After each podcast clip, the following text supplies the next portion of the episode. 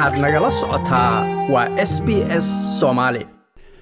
dabaaldegyada habeenka sannadka cusub ayaa gebi ahaanba laga dhimay ama laga joojiyey waddamada adduunka iyadoo nooca coronavirusta xuub siibatay ee omicron ay sii horinayso korarka kaysaska covid -19 waddanka shiinaha ayaa hadda la tacaalaya dibuqaraxii coronavirusta ee ugu weynaa muddo bila ah iyada oo ay afartan maalmood oo keliyihii ka hadhsan yihiin cayaarihii olombikada ee xilliga qaboobaha warbixintan oo ay b wa kuwon u soo diyaarisay s b s news ayaanu ku eegaynaa arrintaa. Diyaargarowgii ugu dambeeyey ee habeenka sannadka cusub ayaa ka socda fagaaraha times square ee magaalada new york iyada oo shaqaaluhu ay rakibayaan kubad kristal ah oo miisaankeedu dhan yahay shan kun iyo shan boqol oo kilogaram cabirka dhexroorkeeduna yahay saddex dhibic toddoba mitir islamarkaana ay ka birqayaan soddon iyo laba kun oo nalalka nooca l e d-ga ah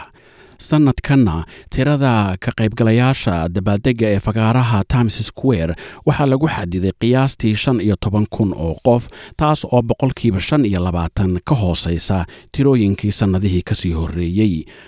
korontoyaqaan robert stalts ayaa warbaahinta c n n u sheegay in omicron awgeed sannadkan liifadda hoos loogu dhigay dabaaldegga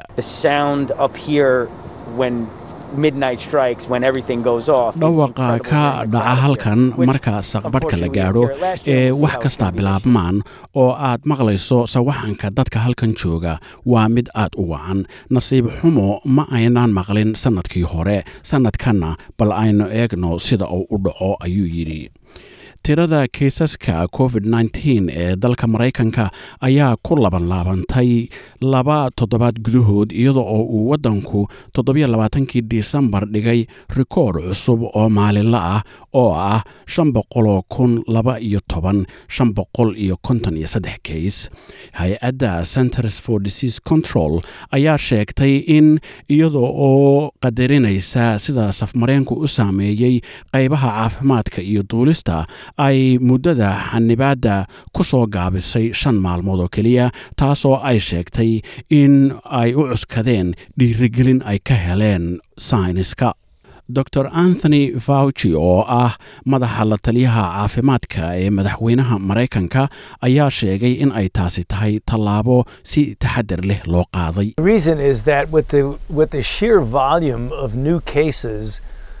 sababtu waa kaysaska tiro beelay ee soo baxaya iyo in aanu filayno in omicron sii socon doonto ayaa waxyaalaha aanu uga taxadarayno mid ka midihii tahay in aanay dad badani bannaanka u bixin kulleyba haddii aad calaamado leedahay maba aad baxdeen laakiin dadka fayraska ku jirto oo aan calaamadaha lahayn waxaannu rabnaa in ay shaqooyinka ku laabtaan gaar ahaan kuwa ka shaqeeya shaqooyinka mahuraanka ah si ummaddu habsame ugu socota ayuu yidhi. Dowladda koonfur afrika ayaa shuruudo ay soo saartay krismaskii ka hor oo ay ku khafiifin rabtay shuruudaha xanibaadaha covid -19 hadda dib uga laabatay iyada oo islamarkaana joojisay raadraaca dadka covid-ka isqaadsiiya ama halista ugu jira in la qaadsiiyey. Waaxda caafimaadka ee south africa ayaa sheegtay in ay harqiyeen su'aalo la xidhiidha. Sida isbedelada la fududeeyey ay u shaqayn doonaan sidaa awgeedna ay hadda hakisay tallaabooyinkaas. Waddanka jarmalkana waxaa sidii sannadkii hore oo kale gebi ahaanba la joojiyey qaraxyada rashka loogu dabaaldego sannadka cusub. Maalinkii isniinta waxaa la yareeyey tirada dadka ee isugu imaan karta meelaha dibadda ah iyada oo goobaha lagu caweeyo kuwa jimicsiga iyo shaneemooyinkana laga xidhay dhowr gobol. Kumanaan dad ah oo ka cadhaysan sharciyada covid -19 ayaa ka bannaanbaxay bariga jarmalka iyada oo qaarkood booliiska ku tuurayeen quraarado iyo rash.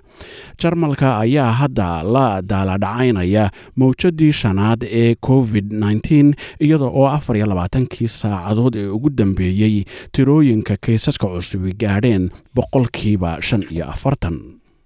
waddanka faransiiska ayaa isaguna soo rogaya xayiraado cusub laga bilaabo saddexda janaayo kuwaas oo ay ka mid yihiin in shaqada si online ah looga qabta guryaha oo khasab lagaga dhigay ciddii ay suurtagal u tahay iyada oo isu imaatinka dadweynaha ee goobaha dedana lagu xadiday ugu badnaan laba kun oo qof.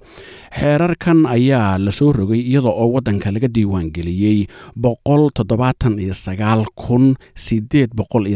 keys oo ah tiradii maalinla ah ee ugu badnayd tan iyo intii safmareenku bilaabmay. Waddamo kale ayaa iyaguna laga diiwaangeliyey tiirooyin kaysas ah oo aanay horay u arag sida u k oo hal maalin laga helay kays cybrus oo hal maalin laga helay turkey oo iyadana laga helay labaiyo soddon kun boqol iyo toddobaatan iyo lix iyo spain oo ah laba boqol afar iyo toban lix boqol iyo sagaal iyo toban kays waddanka spainna boqolkiiba toddoba dhibic shan ah sariiraha cisbitaalada iyo boqolkiiba siddeed iyo toban ah qolalka gargaarka dheeraadka ahba waxaa jiifa bukaan socodka covid lucia manzano oo ah adeega bulshe ayaa ka mid ahayd dadkii safka oo u galay goobaha baadhitaanka ee buux dhaafay. Waxa ayna sheegtay in korokaca sare ee caabaqu uu saamayn ku leeyahay nolosha dadka un montón. En el trabajo hay un montón de... At work, there are a lot of professionals who are currently on sick leave with xagga coronavirus. shaqada waxaa Out jira of five of dad us, badan oo two of us are xirfadlayaal ah oo hadda fasax ugu maqan jirada coronavirus. shantayadii laba uun baa naga caafimaad qaba nasiib wanaagna aniga ayaa ka mid a labada caafimaad qaba xaaladda shaqaduna hadda aad bay u xuntahay ayay tiri waddanka indoneeshiya isagana maamulka hay'adaha caafimaadka ayaa sheegay in xayiraado badan la soo rogi doono inta lagu jiro sannadka cusub kadib markii waddanku diiwaan geliyey kayskii ugu horreeyey ee omicron ah nin toddobiyo soddon sano jir ah oo ka soo jeeda magaalada medan ayaa cisbitaal jakaarta ku yaalla ugu jira xanibaad ahaan iyadoobaa la yidhi aanay ka muuqanin wax calaamado ah. Kadib markii laga helay omicron. Wasaaradda caafimaadka ayaa sheegtay in ninkan xaaskiisa laga waayey fayrasta welina ay ku daba joogaan sidii uu ku soo qaaday omicronta waddanka shiinaha oo ka mid ah dalalka tirada yar ee weli siyaasadooda covid tahay inay tirtiraan coronavirusta ayaa madaxda magaalada shian ay hadda dagaal kula jiraan dib u qarax cusub iyadoo afartan maalmood oo keliyihii ay ka dhiman yihiin cayaarihii olombikada ee xilliga qaboobaha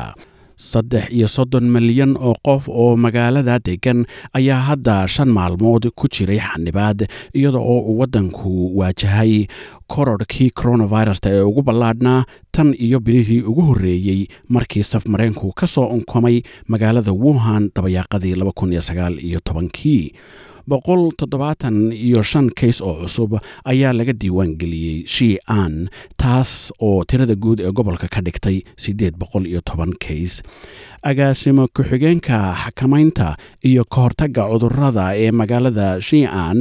miss wy shawley ayaa sheegtay in shan wareeg oo baadhitaan dadweynaha lagu sameeyey xanibaadahana kor loogu qaadi doono heerka ugu adag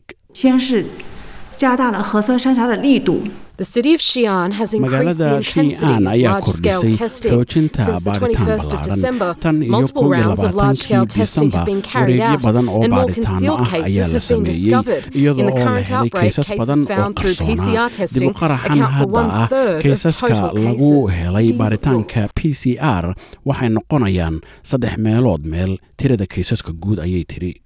wixii xilligan ka horreeyey in ka badan hal sano laba qof oo keliya ayaa la xaqiijiyey in ay shiinaha ugu dhinteen covid taasna waxaa shiinaha ka caawiyey ayay yidhaahdeen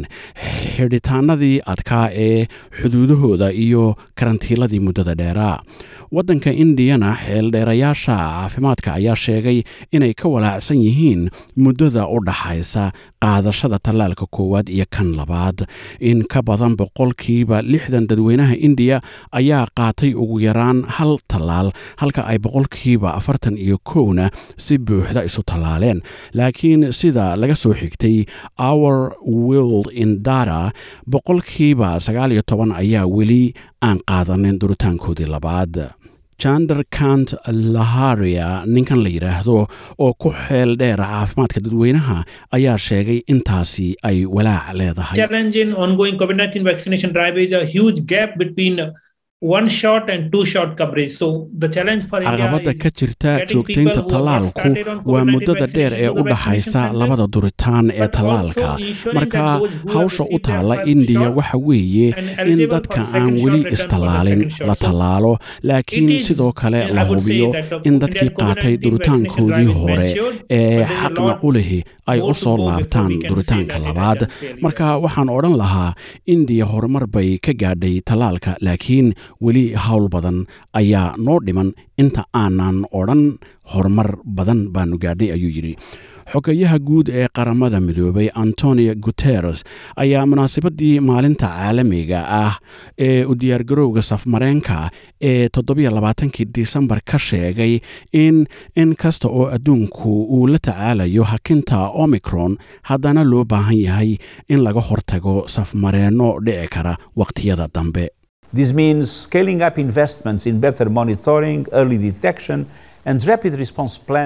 Taa macnaheedu waxa weeye in kor loo qaado maalgelinta habab sidan life-saving ka sii wanaagsan oo ilkuhayn ah qorshayaal ah ogaanshaha hore iyo give every oo dal kasta ka jira gaar ahaan kuwa nugul waxaa macnaheedu yahay in si siman dadka oo dhan loogu helo waxqabadyo nafbadbaadin ah sida tallaalka oo kale. Waxaa macnaheedu yahay in la dhiso wadajir caalami ah si dal kasta loo siiyo fursad uu ku joojiyo cudurrada laysqaadsiiyo ayuu yidhi. Warbixintiina intaas ayay ku eg tahay haddii aad rabto inaad ogaato tallaabooyinka iyo hababka hadda jira ee lagu maareeyo safmareenka covid ee australia oo luqadaada ku qoran waxaad booqan kartaa s b s com au xariijin coronavirus